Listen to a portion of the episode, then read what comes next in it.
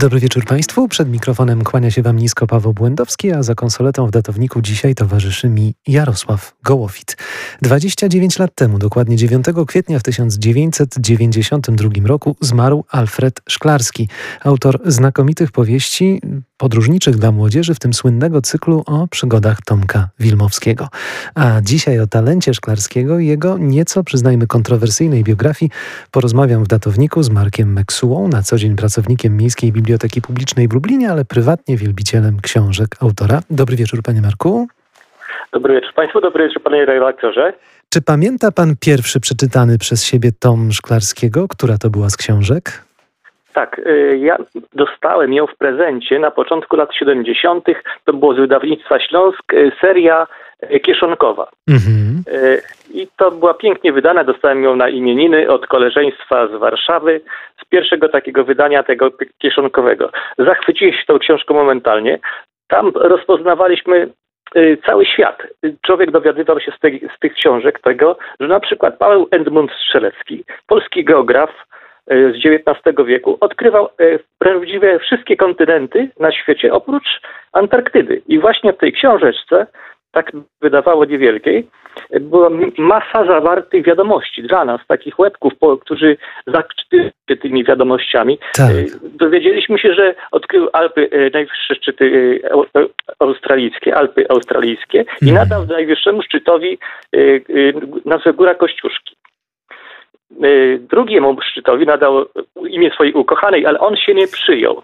Natomiast Australijczycy uczcili go jeszcze w ten sposób, że później, 20 lat później, inny geograf, y, y, mając do lepsze sprzęt, lepszy sprzęt do pomiarów, tak. twierdził, że ta góra nie jest tak wysoka. Natomiast Australijczycy w uznaniu za zasługi utrzymali tą wersję naszego Pawła Strzeleckiego. No właśnie, to tylko jedna z takich perełek, których tak, mogliśmy się dowiedzieć dzięki książkom Alfreda Szklarskiego. Wspomniał pan, panie Marku, że ta pierwsza jego książka, którą pan otrzymał, to był prezent. Ja doskonale pamiętam ze swoich szkolnych lat, jak wielkim problemem było zdobywanie egzemplarzy tych książek. Oczywiście wtedy nakłady były wielkie, ale po prostu ludzie rozchwytywali te książki. Tak, tak, jak najbardziej. Myśmy się wypożyczali między sobą y, takimi książeczkami, jeśli ktoś miał następny tom, natomiast bardzo ciężko było je dostać w bibliotece szkolnej. Trzeba się było zapisywać i nawet tutaj e, e, pierwszeństwo mieli tak zwani uczniowie wzorowi. No i ja do nich również należałem, muszę się pochwalić. I byłem e, w tej, w tej takiej uprzywilejowanej grupie. Natomiast koledzy bardzo często pytali, jak już doczytałeś, doczytałeś kiedy skończysz, kiedy, a może coś opowiesz, prawda, w tym sensie. Poznawaliśmy cały świat i przyrodniczy, i geograficzny za pomocą przygód Tomka Wilmowskiego. Y, no, uzupełniały tam te książki, prawda, Klub Sześciu Kontynentów i przygody Toniego Halika y, na ekranie telewizora. Natomiast, tak, to wszystko się pięknie łączyło ze sobą, prawda? ma pan rację. Mhm. Natomiast one uzupełniały nam dokładnością wszystkiego tego. Jak myśmy się zaczytywali, dokładność tych szczegółów, na przykład tej Australii, prawda, y, o, o ptaszkach sobie, czy o kangurach, z czego to się wynikało. No, y, były y, odnośniki, gdzie dokładniej można było sobie doczytać, co to za ssak, prawda, dziobak jajorodny i tak dalej. Mhm. No właśnie, Szklarski miał tę wielką umiejętność, że kiedy pisał swoje książki, to jednocześnie była wartka w nich akcja, która niezwykle wciągała i człowiek wchłaniał te wszystkie informacje niejako niezauważalnie. Tak, tak. Doskonale uzupełniało nam to składna, doskonale yy, lekcje, prawda? Yy, myśmy mieli już wtedy przygotowanie, z ciekawością podchodziliśmy do, do geografii, prawda, w szkole. Smartfony nas nie rozpraszały, panie Marku, na przykład. Nie rozpraszały nas, mówię, że nie rozpraszały nas smartfony na przykład, tak jak Ach, tak, tak, tak dzisiaj tak, dzieciaki mają, mają, no mają ten problem. Oczywiście. Poza tym y, w smartfonach można podać pewną rzecz okrojoną, natomiast tutaj mm. rozbudzało nam wyobraźnię, samo czytanie, samo ta wyobraźnia, prawda, jak wygląda dżungla australijska, jak na przykład wygląda dżungla y, afrykańska. Porównywanie tego wszystkiego później. Y, porównywaliśmy to później na, na, podwórku, jak tam się czytało, prawda. Y, z, y, z, ciekawością czytaliśmy, czekaliśmy na następny tom, który się tam gdzieś pokaże w bibliotece, bo panie zapowiedział, że dokupią, prawda. Tak, nasz dziwne, panie Marku, ja też pamiętam, że zastanawiałem się nad tym, dlaczego każda z tych książek Szklarskiego o przygodach Tomka Wilmowskiego nie jest lekturą szkolną. W moich czasach lekturą była chyba tylko tajemnicza wyprawa Tomka. Podejrzewam, że tutaj chodziło o te aspekty nieco polityczne, czyli walkę z caratem. No wiadomo, wtedy to, to było jak mhm. najbardziej mile widziane. Szkoda, bo te wszystkie książki są fenomenalne, ale z tego co wiem, to nasze pokolenie i tak po prostu te książki znało na pamięć. Tak, jak najbardziej. Natomiast e, tak jak pan redaktor wspomniał o tej książce e, e, Tajemnicza wyprawa Tomka, uważam, że jest to czysty scenariusz na doskonałą książkę awanturniczo-przygodową tak. z doskonałym tekstem historycznym w oparciu, ponieważ od, nawiązując do cierysu naszego autora Szklarskiego, mhm. on złożył niejako hołd swojemu ojcu, który był w organizacji bojowej PPS-u, skąd brał udział w rewolucji 1900 1905 roku. I, I musiał uciekać po prostu z ziem tak, polskich. Uciekał do Stanów tak. jak najbardziej. On się nazywał, miał na imię Andrzej Szklarski i złożył ten hołd, y, no moim zdaniem w ten sposób, że dorzucił niejako tatę Tomka Wilmowskiego ochrzcił mianem Andrzeja Wilmowskiego i myślę, że to było takie nawiązanie, hołd złożony temu swojemu ojcu. Tak, to prawda, panie Marku. Zanim przejdziemy do biografii Alfreda Szklarskiego, i tutaj już możemy wspomnieć, że on właśnie z powodów tych perypetii taty urodził się nie na ziemiach polskich, ale w Chicago 21 tak, tak, stycznia tak. 1912 roku, to zapytam, jak pan sądzi, skąd on tyle wiedział o egzotycznych zakątkach świata? No dobrze, urodził się w Chicago, ale już jako bodajże 16-letni chłopiec wrócił tutaj z mamą do Polski, więc no tych podróży tak wiele nie było. Czy on był po prostu bibliofilem, zbierał informacje o, o przyrodzie, o świecie? E, tak, jak najbardziej. Poza tym umożliwiły mu to studia w Warszawie, był bardzo, miał bardzo otwarty umysł, y, no, jak i również zainteresowania te jego w tym kierunku następowały. Także no, dogłębnie kształcił się w tym kierunku, zaciekawiał no, historią, był również zafascynowany tymi odkrywcami polskiego pochodzenia. No wiadomo, mhm. że urodził się w czasach, kiedy jeszcze Polski na świecie nie było, nie odzyskała jeszcze niepodległości i ta tak. polskość była w tej kulturze, w tej rodzinie kultywowana jak najbardziej, prawda? Jego ojciec jako inteligent również mu to przekazywał, matka tak samo, tą miłość do ojczyzny, no i do Polaków, którzy jednak mieli ten olbrzymi wkład e, w, w badania światowe, e, całego świata, właściwie odkrywania kontynentów. Ta duma polskości właściwie chyba brała tutaj tą górę również. Tak, rzeczywiście to były bardzo silne wpływy, te, o których Pan wspomniał, te wpływy patriotyczne, no ale na szczęście, kiedy Alfred Szklarski z mamą dociera do Polski, no to już Polska jest niepodległa, co jeszcze kilkanaście lat tak. wcześniej wydawało się być rzeczą zupełnie niemożliwą. No i najpierw on mieszka w rodzinnym mieście swojej mamy, czyli we Włocławku, ale we potem w tysiąc, tak, bodajże w 1932 roku przenosi się do Warszawy. No i aż chciałoby się trochę pogdybać, co by było, gdyby Niemcy nie napadli na Polskę, zaraz później Sowieci, mhm. bo być może ta kariera literacka rozkwitłaby jeszcze wcześniej. Tak, właśnie to chyba mu zrujnowało tą karierę, ponieważ aby żyć y, w, podczas okupacji, mm -hmm. drukował, drukował swoje powieści pod przybranymi y, nazwiskami Halo, halo. Tak, tak, tak, słyszymy się, panie Marku. Tak? Mhm. Chodziło o to po prostu, żeby przeżyć. Jeszcze zanim powiemy tak, o, tej jego, o tym nurcie, mm, tych, nie o nurcie, ale o, tym całej, o tej całej sprawie związanej z kontrowersjami wokół e, okupacji, bo to też były inne książki niż te, które pisał po wojnie, mhm. no to wspomnijmy, że swoją żonę Krystynę, to było bardzo szczęśliwe małżeństwo, poślubił no, feralnego 1 września 1939 tak, roku. Jak najbardziej jak najbardziej, taka, taka prawda. Mieli jedną córkę, Bożenę, bardzo ukochaną, hołubioną, no i wiadomo, że człowiek no, musi wykarmić rodzinę, prawda, -hmm. wyżywić. Jako mężczyzna starał się, no nie każdy nadawał się do, że stanie się kupcem czy przemytnikiem, prawda, żeby tej rodzinie zapewnić, tak. szmuglerem zapewnić wyżywienie w ten sposób. No jednak pewne predyspozycje intelektualne czy fizyczne yy, nie, nie dopuszczały do tego. Czyli chodziło o to, że po prostu jego powieści, jego powieści, panie Marku, były publikowane w tak zwanych gadzinówkach, tak? Czyli w polskojęzycznych tak, tak. pismach. oficjalna. Mhm. On stwierdził, że nikomu nie robił krzywdy, prawda, a, żyć musiał. I to były odcinkowe powieści. On pisał niemalże z rękawa, mając taki doskonały te, talent. On pisał, y, przygotował awanturnicze, y, czy dla poważnych, ale to były odcinkowe, odcinkowe. Pisał też powieści dla dorosłych, nawet tam pojawiały się erotyczne opowieści. Chyba bodajże jedną taką erotyczną mm -hmm. napisał, ale to były również dla dorosłych powieści drukowane w odcinkach tej prasie właśnie okupacyjnej.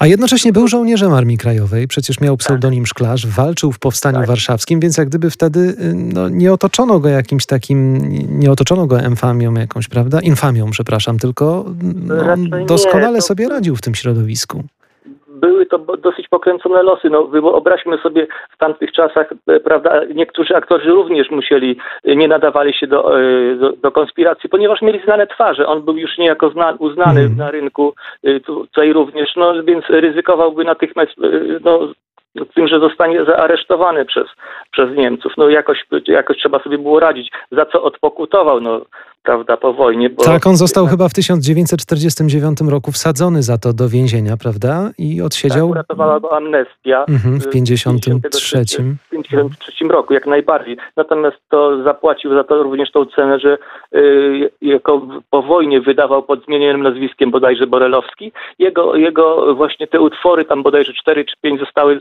przez, y, wstrzymane ich y, wydawnictwo, a reszta została nałożona na cenzura, dopóki właśnie nie nastąpiła odwilż, ale doskonale potem sobie odbił to i społeczeństwo go pokochało, bo on zaczął wydawać y, Tomka Wilmowskiego, bodajże pierwszy tom wyszedł w 1957 roku.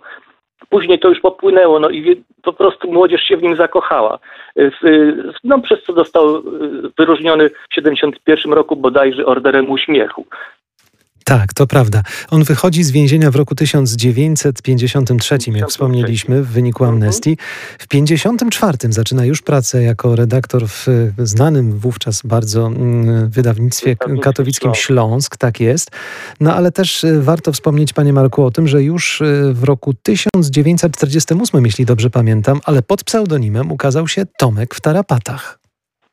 Tak, to był jak, niejako prekursor wszystkich y, y, y, tomków. Kolejnych odcinków. Kolejnych.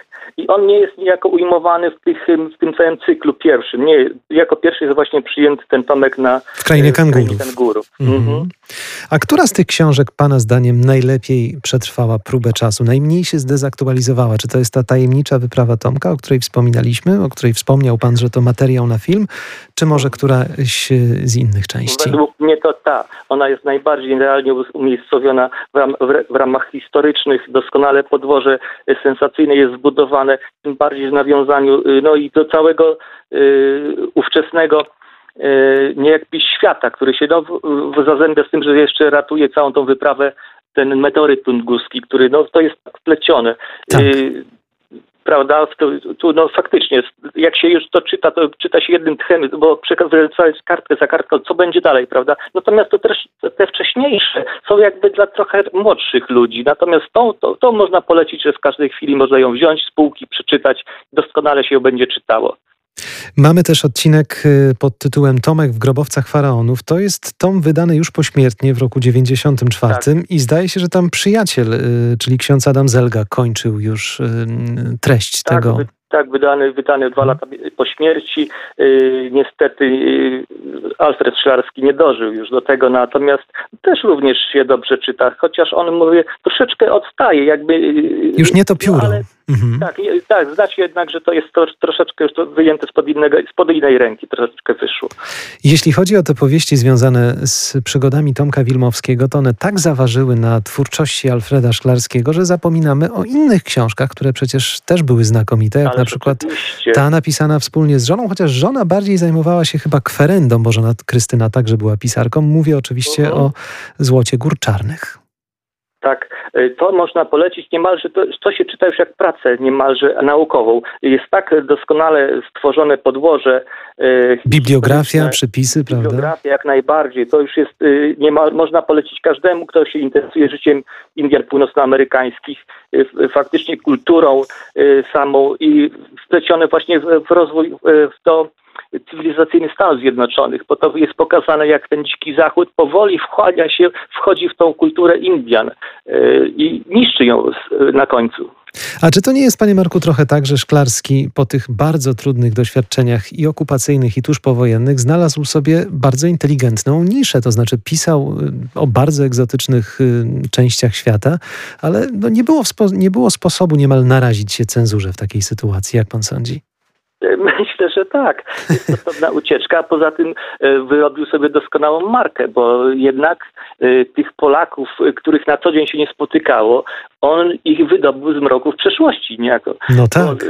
to nie był tylko Paweł Edmund Strzelecki. Polacy odkrywali również Amerykę Północną, Południową, Wyspy Japońskie, w Afryce również mieli swoje piętno. No to jest jednak myślę, że po części pan redaktor ma rację, ale myślę, że też wychodziły tutaj zamiłowania geograficzno-przyrodnicze Alfreda Szklarskiego. Ilekroć oglądam, ten, proszę mówić, proszę mówić panie Marku. Dzieci, mhm. dzieci, prawda, które fetowały go, no teraz troszeczkę jakbyśmy mieli tu taką sieczkę informacyjną, natomiast w tamtych czasach, y, gdzie y, niesamowicie y, tą rangę podnosiło nadanie, mhm. że w Pałacu Kultury odbywało się wręcz tego orderu uśmiechu. Uśmiechu, tak na całą Polskę. Wszyscy wiedzieli, że Alfred, Alfred Szklarski otrzymał od dzieci y, order uśmiechu. Każdy to wiedział wtedy. To był 71 rok, prawda? Telewizja, wiadomo, kronice filmowej było to puszczane w kinie przed seansem. No to było coś, to było wydarzenie. To była jego doceniona praca wieloletnia. Tak, on z całą pewnością czuł tę wielką przyjaźń e, swoich czytelników. No i też e, warto wspomnieć, że te nakłady, no już o tym w zasadzie dzisiaj mówiliśmy, że te nakłady, mimo iż ogromne, to one rozchodziły się niczym ciepłe bułeczki. Tak, jak najbardziej.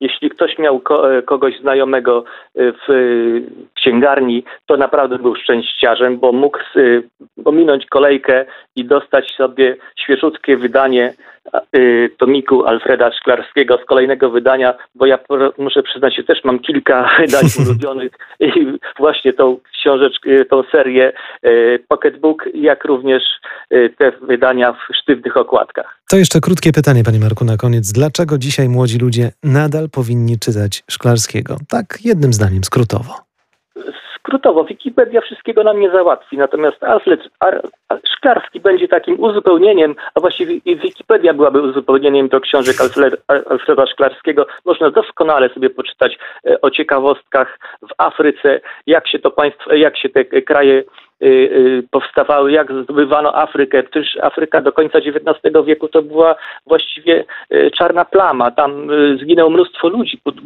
podróżników, znanych, Brytyjczyków z, Akademii Londyńskiej. No to jest naprawdę godne polecenia. Nawet w tym, i w tym sensie, że tą ciekawostką, że jest takim przewodnikiem jest właśnie młody chłopak Polak, który jest jakby wprowadza nas ten świat podróżniczy, prawda?